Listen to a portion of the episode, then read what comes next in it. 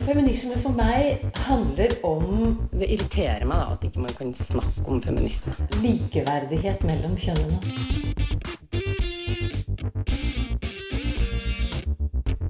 Det blikket på kvinnen på film. handlet det om å bli tatt på alvor som jente. Du hører på Et eget rom på Radio Nova. Graviditet og fødsel. Så mange spørsmål, veldig lite svar. Vi får straks besøk av en jordmor som skal lære oss mer om eh, livets mirakel.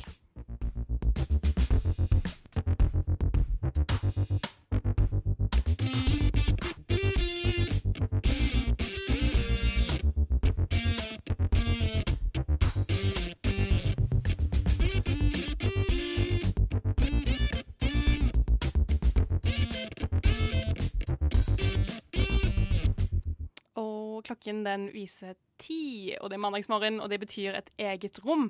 Og vi, vi er Radio Novas feministiske radioprogram, eh, og i dag så er det jo liksom ikke noe sånn eh, konkret sånn Nå skal vi snakke om feminismen, men i dag så er det egentlig graviditet og fødsel som står på planen. Er det ikke det?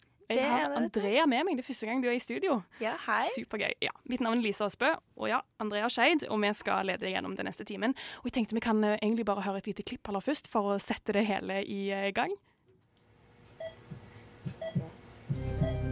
Så da er det bare å prøve å holde ut smertene. Vil du se hodet, Kim? Jeg tror ja. Nei? Det er fint. Se hodet, Kim. Se så mye det Ja, kommer ut. det er fantastisk, Line. Kom igjen.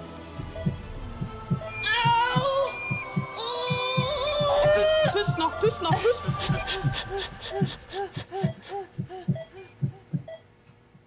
Ok, Der hørte du klipp fra Newton, hvor programleder Line Jansrud lagde program av sin egen fødsel. Og Det var utrolige greier å se på. En halvtimes program, og utrolig spennende å følge med på. Du har sett det du òg, Andrea? Ja, jeg har sett det. Ja. Det var spennende. Veldig spennende. Det er jo kjekt å få en liten sånn OK, det er dette vi skal snakke om i dag. Rett og slett. Det er veldig mye å snakke om. Men vi bare merker generelt at vi, dette er noe vi vet lite om. Ja. Det er jo en uh, stor greie, men uh, jeg føler jeg ikke har så veldig mye kunnskap om det når det skulle skje med. Nei, for det er akkurat det jeg tenkte. For jeg tenker sånn, Hvis jeg får vite at i kveld at jeg er gravid, Mm. uh, og har vært gravid en måned, så kommer, så vil jeg, så kommer jeg til å få panikk. Ja. Fordi jeg aner ikke hva som skal skje. Nei. Eh, da er det jo rett med å sette seg på PC-en og begynne å, å researche med en gang. For de har fått liksom panikk. Aner ikke hva som skal skje om ni måneder. Hva er det egentlig som skal skje? Ja. Ikke sant? Eh, ja, og hva har allerede skjedd den første måneden? Ja, ikke sant? Nettopp. Det er akkurat det. Da er det jo veldig fint å få litt svar og sånn, og det skal vi jo få. Ja. For eh, vi skal veldig, veldig snart eh, få besøk av en jordmor. Eh, og mens vi går og henter Kirsten Jørgensen inn i studio, så kan dere endelig få høre Svanekropp igjen. Veldig gøy at de er inne på listene. Du får eh, The Duckling her.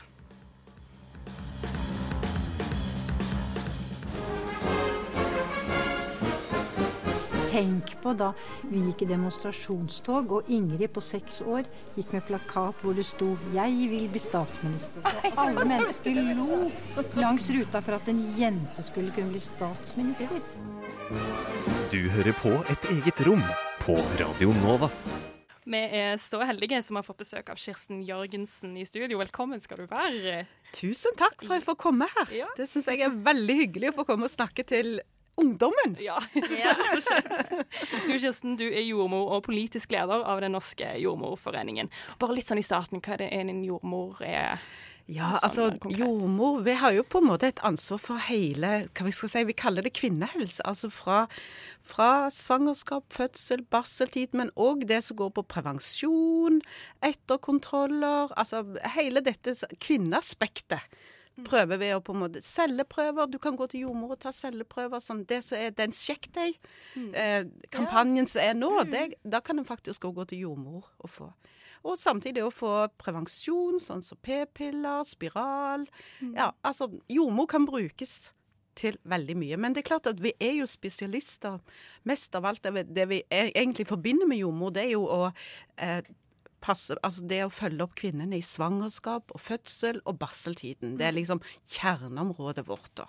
Ikke sant? Så, man kan, så jordmødre de jobber overalt, ikke Ja. bare på sykehus, på fødeavdelingen. Nei. Jo, veldig mange jordmødre jobber nå både ute i kommunejordmortjenesten, de jobber privat, de jobber med ultralyd. Mm. Altså vi har et veldig bredt felt, ikke bare akkurat inne på fødeavdelingene. Mange jordmødre jobber med hjemmefødsel. Ja, Altså, sant? flere jobber med hjemmefødsel, og de på fødestuer. Altså, vi, vi, eh, noen jordmødre jobber privat. Vi har jordmødre som jobber med kvinnehelse, altså prevensjon og oppfølging av ja, andre kvinnelidelser, da.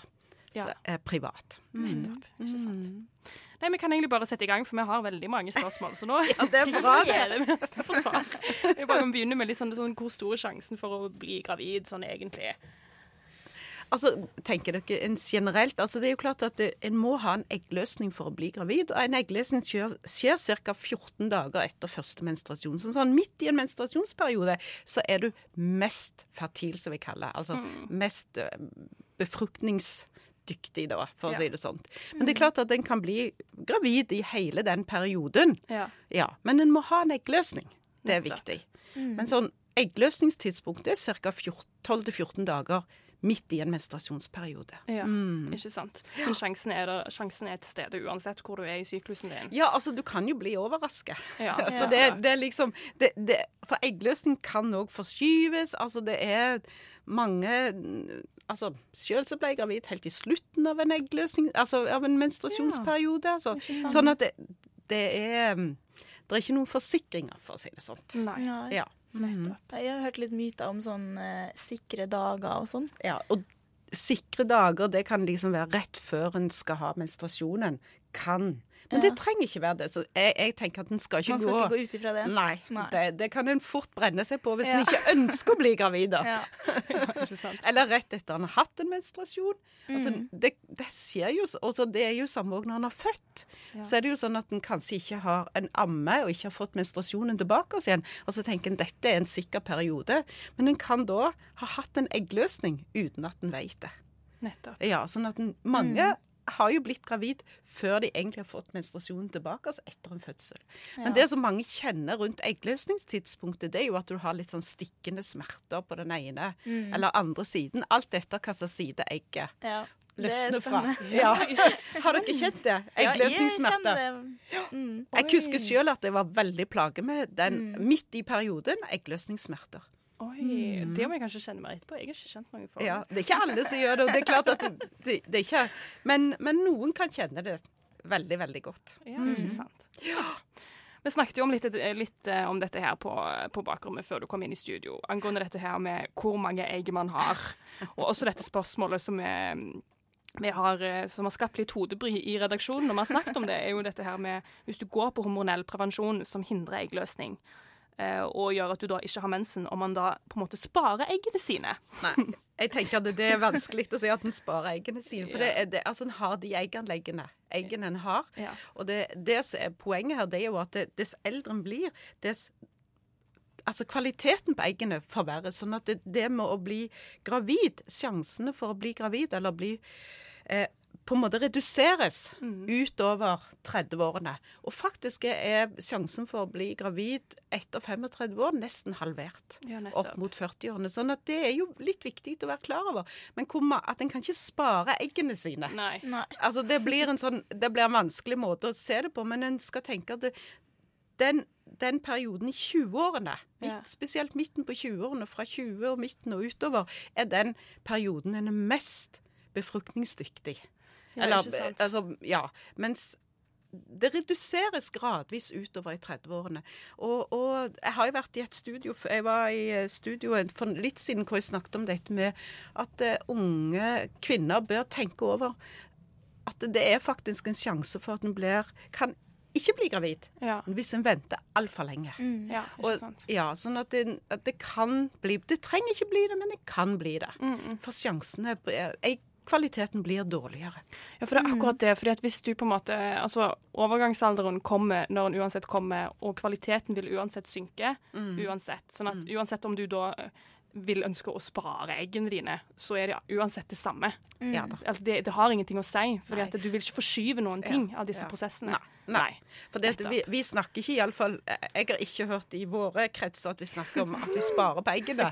Men, men vi tenker veldig mye på, på befruktningsdyktighet, altså dette med å bli gravid. At der sjansene reduseres gradvis utover i 30-årene. Mm. Men vi hører jo om, om altså Det er jo flere som blir gravid når de er 35 og ja, 38 og 40. Altså vi har jo flere eldre Mm. fø førstegangsfødende Ja. og fødende i dag.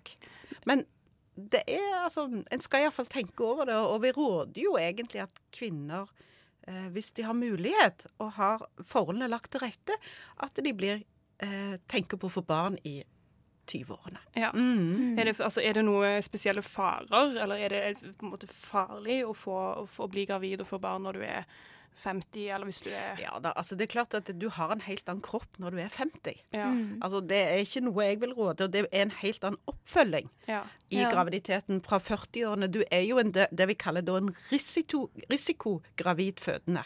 Såpass, Sånn at, det, sånn at det, ja, for det, at du kan jo ha tilleggssykdommer òg. Du kan ha sukkersyke, du kan ha hjertesykdommer, du kan være fysisk på en måte Altså du kan ha tilleggssykdommer òg. Ja. Pluss at eh, ja, spesielt det sånn at en ble fulgt opp på en helt annen måte. Mm. Uh, og, og bli gravid Altså, nå er det jo mange gode, lykkelige historier om det òg, da. Men Mm. uh, det er jo absolutt ikke noe en bør liksom satse på.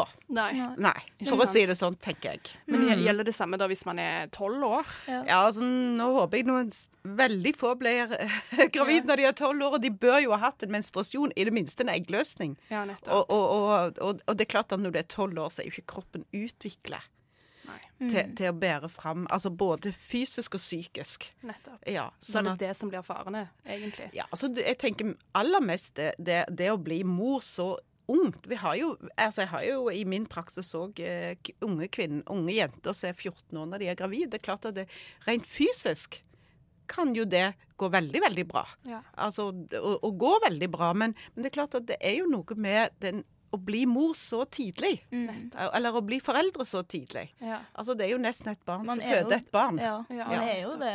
Ja, man er det. egentlig, det. juridisk sett. Så, sånn at det, Jeg er jo veldig opptatt av at eh, Det er klart at eh, kvinner, altså jenter, har jo et seksualliv kanskje før de er 16 år. og det vi, vi, vi, har vært veldig opptatt av at det bør være gratis prevensjon òg for disse jentene Mm. under 16, den, nei, den eh, seksuelle lavalder. da. Mm. For nettopp for å beskytte seg. Nettopp. Ja, Det er liksom å lukke øynene for, for det vi vet at Mm. sex Ja. skjer før en er 16 år òg, hos Ja. noen. Mm. Så det er ikke noe å anbefale. Nei. Nei, for å si det sånn. Verken det ene eller det andre. Det er veldig bra. Ja. Supert. Nei, men vi skal, vi skal fortsette å ha besøk med, av deg eh, nå framover. Egentlig nesten hele timen. Men eh, nå skal vi høre en låt fra Great News. 'Wonderfault' får du eh, her. Great News fikk du der med Wonderfault, et av de kuleste norske bandene for tiden, syns jeg. De er veldig, veldig kule. Men vi har fortsatt besøk av deg, Kirsten Jørgensen, jordmor. Eh, Leder av Den norske jordmorforeningen. Og nå skal vi gå litt mer inn på selve graviditeten. Vi har delt opp veldig fint her, ser du, for det er veldig mye vi skal igjennom. Men vi vet jo at vi ikke kan putte, du kan ikke putte i deg hva som helst under graviditeten. Og det, jeg føler at det ligger så mye sånn der du kan ikke spise det, og du skal ikke spise det, du kan spise det, du må spise mye alger. Og så skal du selvfølgelig holde deg borte fra alkohol og tobakk. Men altså hva, hvor strengt er dette her? Spesielt på dette med mat. Ja. Nei, altså jeg tenker, for det første, Når en blir gravid, så skal en på en måte, eh, så, så har en en oppfølging av jordmor eller legen sin. Veldig opp, Mange går i dag til jordmor, de, fleste kontrollene i svangerskapet. Og da kan en jo snakke med jordmor om hvordan skal jeg leve, hvordan skal jeg spise, eh, hva bør jeg spise. Men, men jeg tenker at det, dette som du nevnte, røyk og rus og alkohol og snus, Ja. er jo veldig viktig at en på en måte holder seg unna når en er gravid. Eh, men det, når det gjelder mat, så er det jeg tror at jeg vil anbefale å gå inn på Helsedirektoratet sine retningslinjer. For der ligger det veldig klart hva en kan spise. Men sånn som rått kjøtt, en del oster skal en være litt forsiktig med. Sushi og sånne ting. Sushi og ja, sånn rå ting. Ja. Råvarer. Men, men ellers så tenker jeg at det, det er viktig å leve og spise normal kost. Ja. Normal norsk kost. Det har fungert i alle tider. Ja. Men, men gå, hvis en er i tvil, gå inn på Helsedirektoratet sine, eh, sine nettsider og les der. Ja. Og så tenker jeg òg at det, det, det der med leve, når en er gravid, så skal en på en måte leve så normalt som mulig. At en skal eh, spise, sove. Fysisk aktivitet er jo kjempeviktig. At en er ute, at en passer. Eh, vi, er, vi er nå etter hvert ganske opptatt over dette med overvekt. Ja. At en ikke At en på en måte spiser ordentlig mat og, og, og har fysisk aktivitet regelmessig. Det er klart at dette med svangerskapsdiabetes er jo blitt et problem. Eller sukker, diabetes, sukkersyke, er jo et problem i samfunnet. Og, og en, nå blir jo veldig mange målt på blodsukkeret i Ja. svangerskapet. Nettopp fordi at en vil prøve å fange opp dette tidlig for å legge om livsstilen. i forhold til. For det, det med svangerskapsdiabeten kan påvirke barnet, slik at det kan bli veldig stort. Og, og kan få en del utfordringer. Sånn at mm. hvis en har svangerskapsdiabetes og overvekt kan henge sammen, så blir en fulgt opp på en spesiell måte Ja, i, gjennom svangerskapet. En er såkalt risikogravid. Ja, nettopp. Ikke sant? Ja. Ja. Men, eh, men jeg tenker liksom sånn Det er jo kanskje litt teit å spørre om det, men jeg bare er liksom nysgjerrig på det. Fordi at våre besteforeldre, og kanskje våre oldeforeldre, da var det jo ikke like mye informasjon spesielt knyttet til dette med rus og tobakk, regner jeg med. Mm. Men de, de gikk jo på en måte bra med de, da. Deres barn. Ja. Men det er jo liksom Men nå tenker jeg at det, det var en helt annen kultur på dette med, med alkohol og røyk. Altså spesielt alkohol Ja. den gangen. Eh, kvinner drakk vel, kan, brukte vel mindre alkohol, men det er klart at en så jo dette mer Altså jeg kan iallfall huske helt tidlig i min karriere kvinner som hadde røykt veldig mye i svangerskapet. Vi kunne se det. De hadde, disse barna hadde en lavere fødselsvekt. Og det er jo på en måte.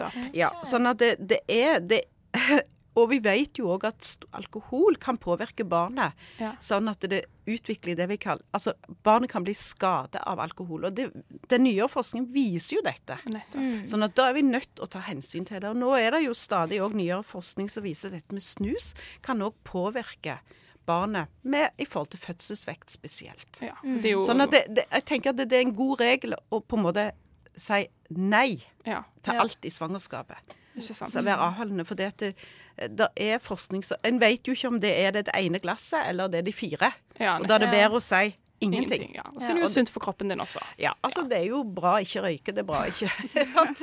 Og det, og det er jo en gyllen anledning til å slutte når en er gravid. Absolutt. Det Tenker er jeg. veldig, veldig, Men sånn, hvis man er gravid og ikke har oppdaga det før man allerede har vært eh, tatt et par glass vin og sånn, da. Altså, det er jo mange som går gravid uten å vite det i starten. Hva Ja, da, og da bruker jeg å si at det stort sett går dette veldig bra. For det, det, det, en skal ikke lage en stress omkring dette. Det, det skjer for veldig, veldig mange, og da går det jo bra.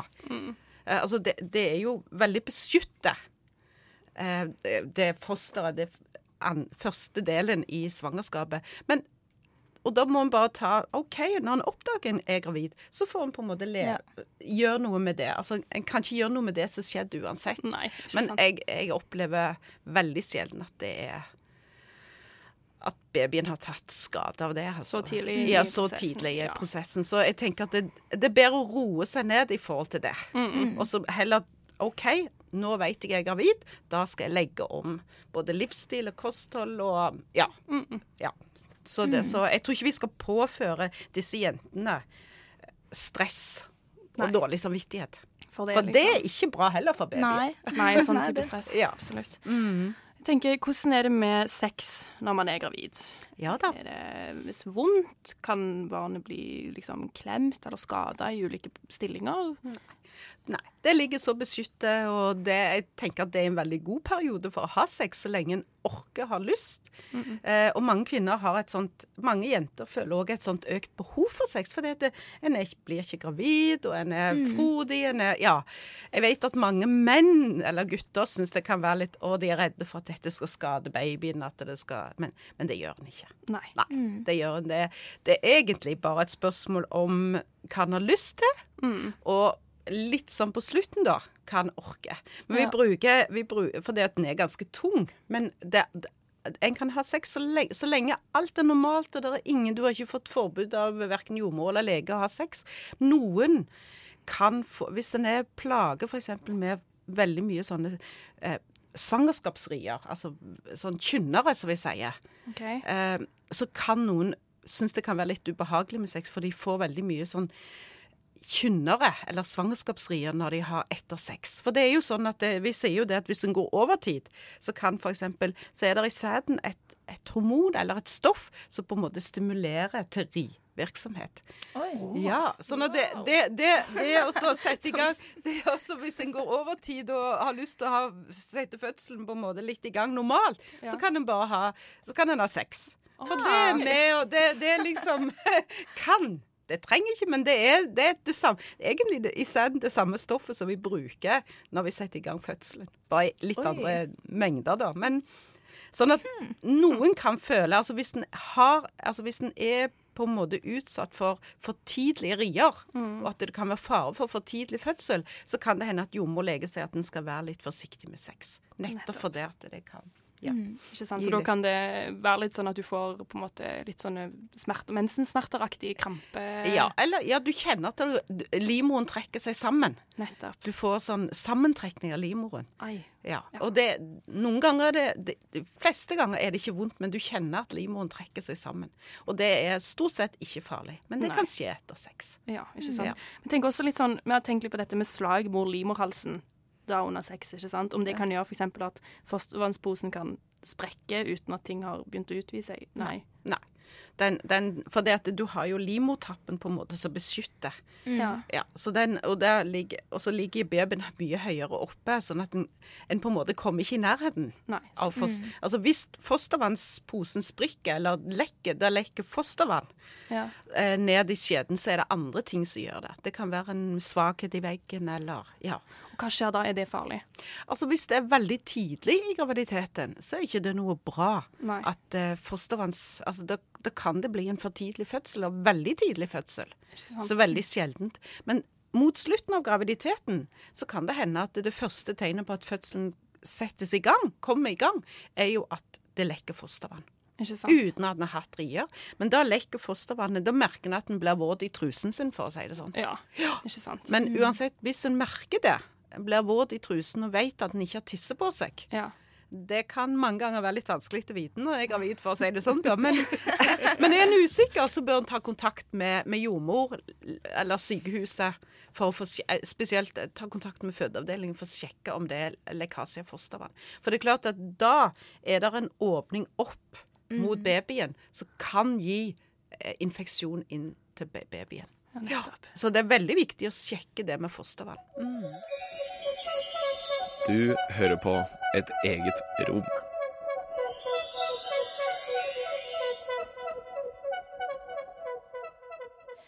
Yes, OK. Men eh, nå har vi snakka om eh, før graviditet og under selve graviditeten, så nå begynner vi å komme oss inn på fødselen.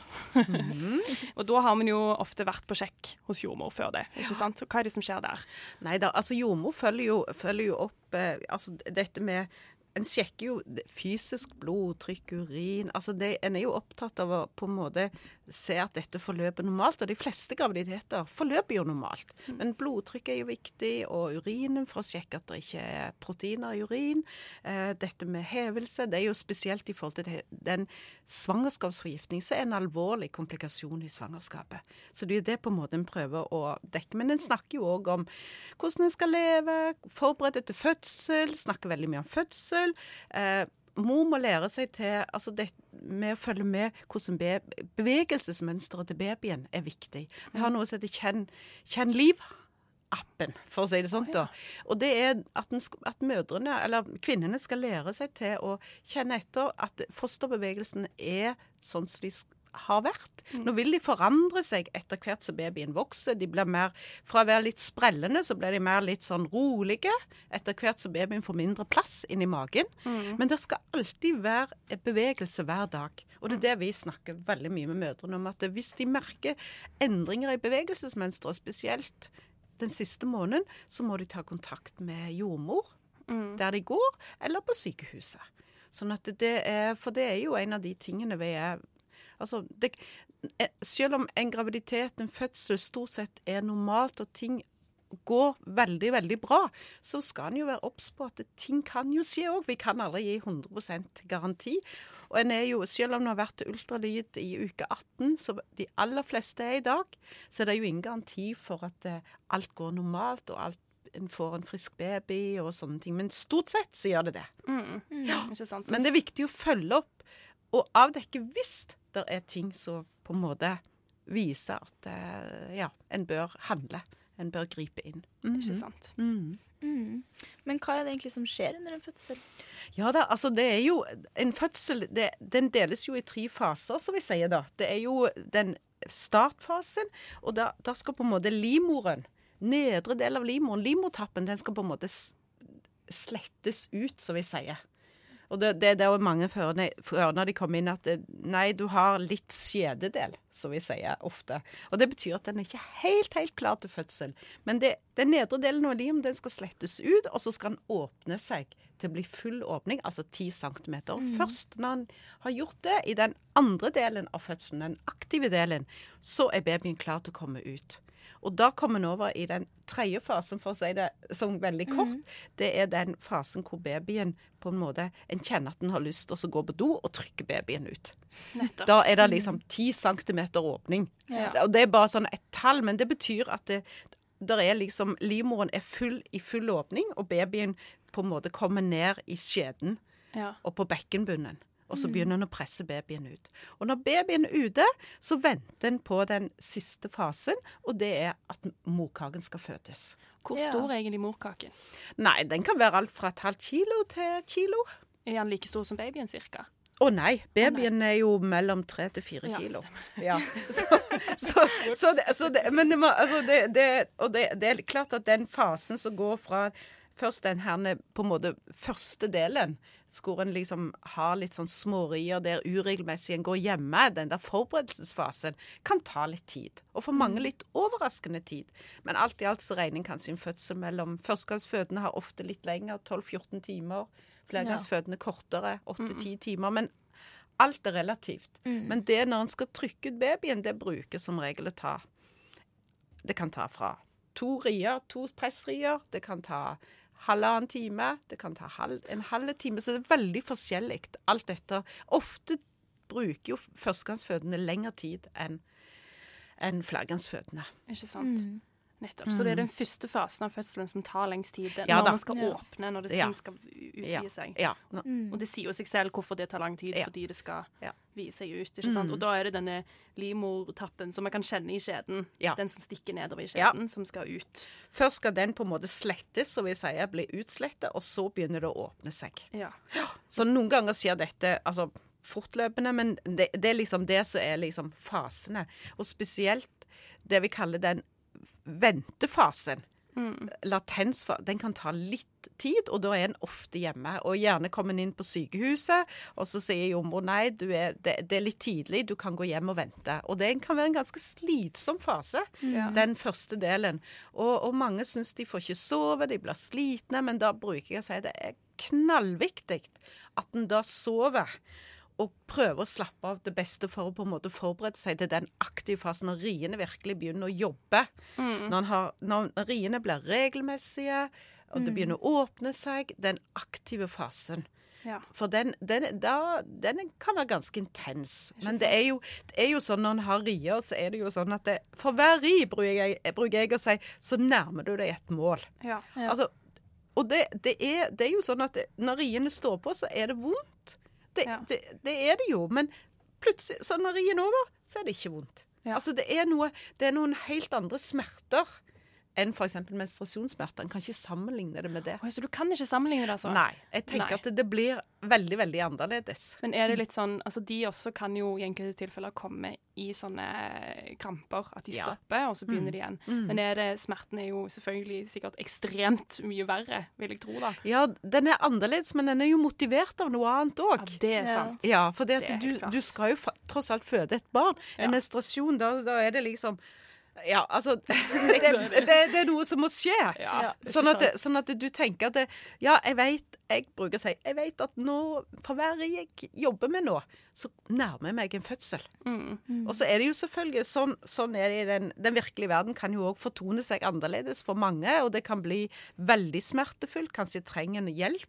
Kanskje trenger litt smertestillende. Ja. Lyskas, badekar. Noen ganger så er det faktisk òg nødvendig å få en ryggbedøvelse, altså det vi kaller epidural. Ja. Ja, og, og det tenker jeg det er ing, Altså, en gjør det beste en kan, og det er viktig altså, et- En skal ikke bestemme seg på forhånd hva en skal ha, tror jeg. Nei. Jeg tror det er viktig å lytte på den jordmoren som er med og er til stede under, i forbindelse med fødselen, og gir det noen gode råd for at en har en kommunikasjon med jordmoren underveis. Hva som kan være best. For det, det er vanskelig å bestemme på forhånd, for det kan gå veldig fort. Ja. Og det kan, altså, det kan ta lang tid. Ikke sant? Vi vet jo ikke det. Nei. Men jeg tenker at i Norge så er, er, vi, er jordmødre veldig flinke til å følge opp kvinnene og prøve å hjelpe dem så godt de kan. Hvis, selvfølgelig, noen opplever det ikke alltid sånn heller, men vi prøver iallfall så godt vi kan.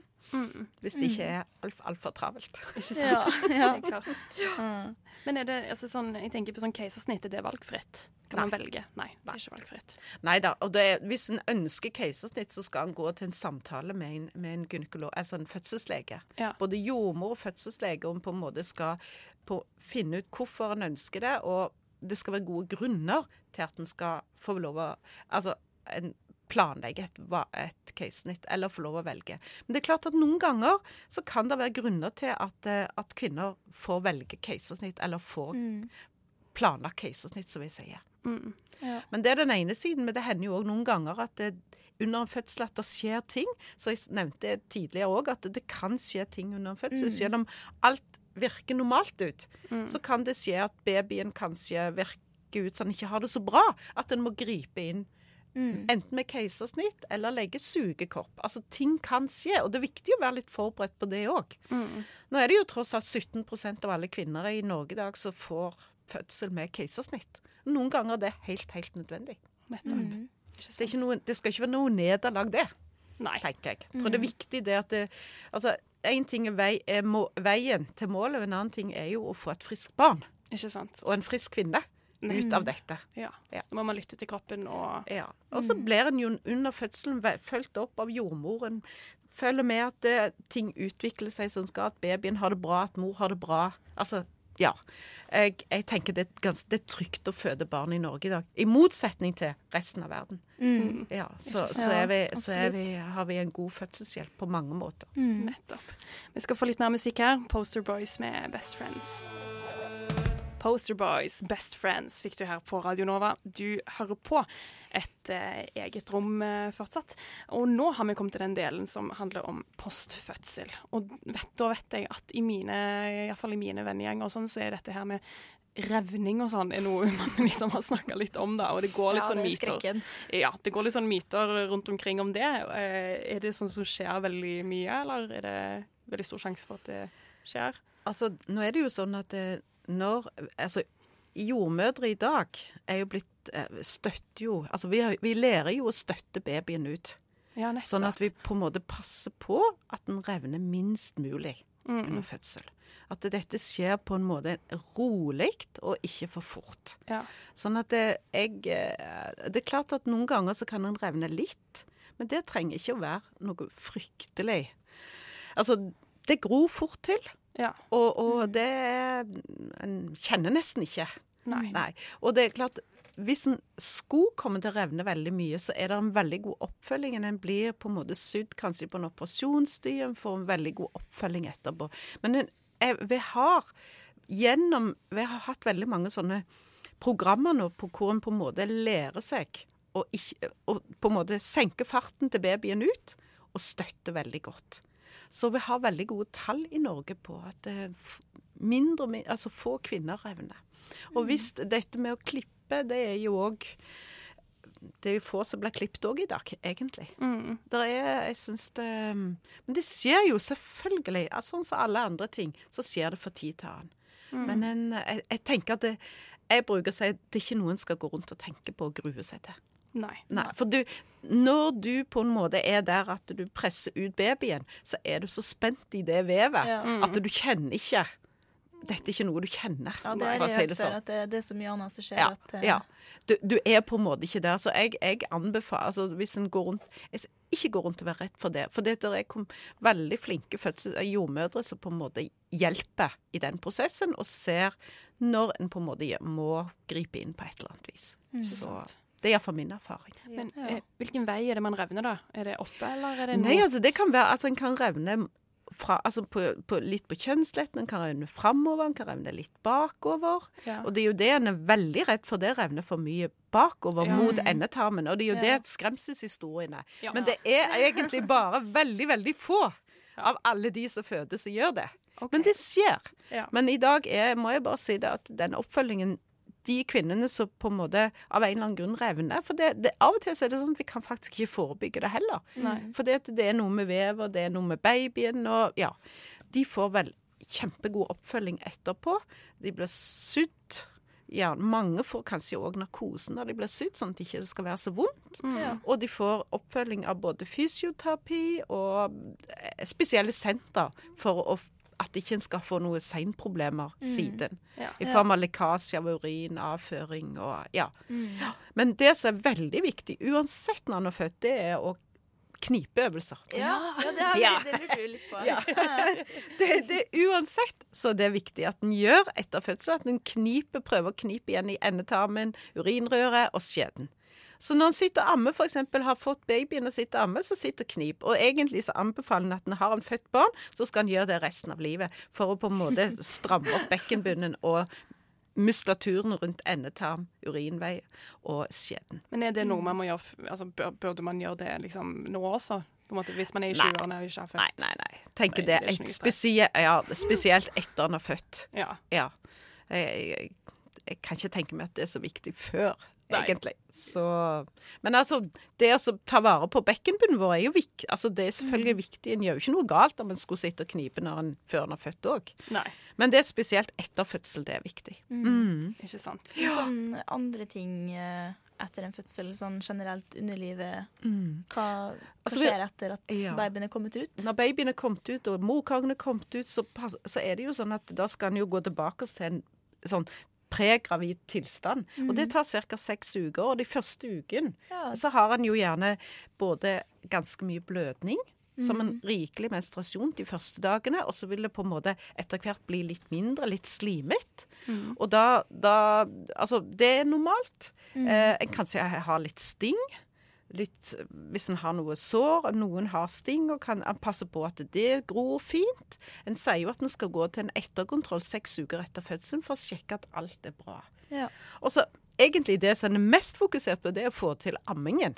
Mm. At det på en måte, altså, og da får skal en jo få god hjelp både av eh, jordmor og barnepleier på sykehuset, men vil òg anbefale at en tar imot barselbesøk av jordmor etter fødselen òg, før helsesøster kommer inn. En til to dager. For nå reiser jo kvinnene veldig tidlig hjem, så Mm. den trenger Vi jobber veldig mye for at jordmødre skal komme hjem rett etter fødselen. I hjemmene for støtte. Og så er det jo sånn at eh, en er jo litt labil og kan ha litt barseltårer og er litt lei seg. seg. Men det en skal være litt obs på, at faktisk nærmere 20 Det er mye mørketall med dette med depresjon etter fødsel. Ja. Ja, så, sånn at det, Jeg var på en konferanse nå, da var det veldig mye Da var det snakk om i Europa at nesten 20% av kvinner har en depresjon etter i Mm. forbindelse med fødsel. Det Så det, vel, ja, sånn at det er viktig at den blir fulgt opp i barseltiden òg. Ikke bare før fødsel, men òg i den tiden etter fødsel. mm. Det er sikkert litt skambelagt òg, da. Ja, det er jo det, Mm. altså.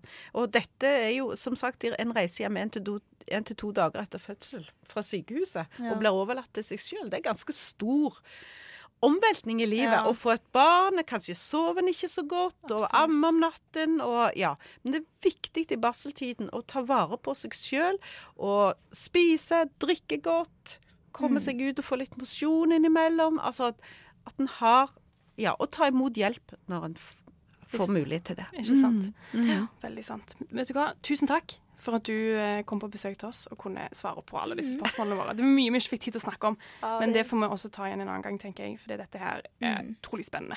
Tusen takk for at du kom, Kirsten Jørgensen. jordmor og leder i Den norske jordmorforeningen. Tusen takk for at jeg fikk komme. Kommer gjerne igjen. Ja, velkommen tilbake. Nå har vi snakka veldig mye om hvordan fødsel fungerer i dag, men det er ikke urealistisk at man kan finne andre måter å bringe frem barn på i fremtiden. Og da snakker jeg om på en måte kunstige livmødre. At barnet ikke vil vokse inn i mammas mage, men utenfor. Og Anne Marie og Andrea har sett nærmere på hva denne framtiden kan bety for likestillingen, og hvilke etiske utfordringer i dette så fall kan bringe med seg.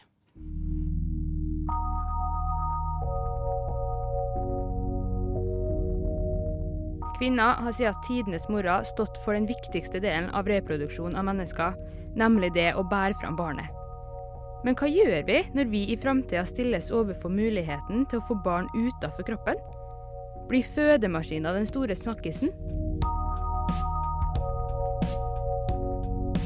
I dag handler debatten bl.a. om hvordan dette vil påvirke kjønnsroller, moderskapet, og ikke minst hvorvidt vi er villige til å ignorere misdannelser hos et foster som er skapt i ei kunstig livmor. Vil vi få sjansen til å redusere antallet premature barn, altså barn som er født altfor tidlig? Vil vi kunne redusere barnedød og barselsdød? Spørsmålene er mange.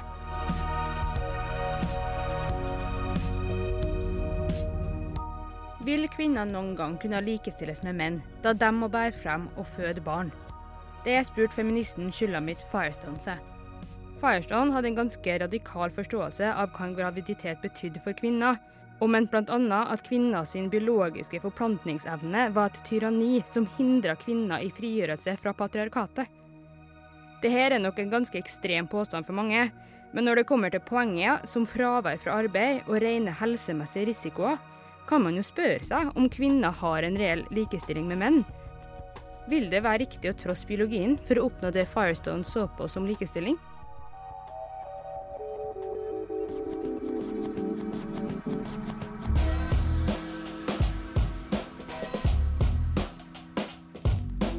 En av de største utfordringene i debatten er hva som er etisk riktig. Vil barn preges av å være født av en kunstig livmor? Hvem skal være forsøkskaniner? Mange hevder at nærheten mellom barn og mor, og det å kunne høre foreldrene sine stemmer, spiller en viktig rolle for barn sin tilknytning til mor. Dette kan dermed være en kritikk mot kunstige livmødre. På den andre sida kan man argumentere mot det her ved å vise til adopterte og surrogatbarn som ikke vokser opp med sin biologiske mor, men som likevel har klart seg helt fint.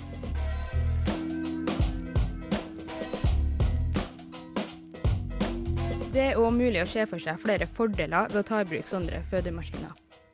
For par som velger å bruke en surrogatmor, enten fordi de sliter med å bli gravid, eller fordi det er to menn, kan kanskje dette være et godt alternativ. I tillegg er det mulig å tenke seg at kunstige livmødre kan gjøre det lettere å følge opp fostrene, og med det unngå noen av risikoene som i dag kommer med graviditeten. Dette er definitivt en interessant debatt som det er viktig å følge med på i framtida.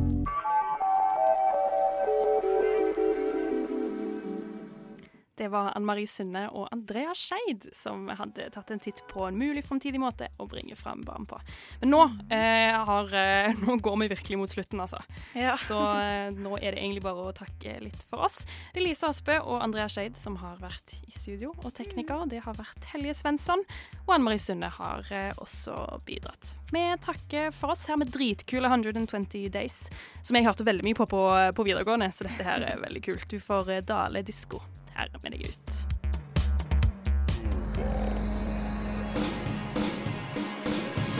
Du har hørt en podkast fra Radio Nova.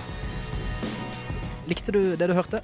Du finner flere podkaster i iTunes og på våre hjemmesider radionova.no.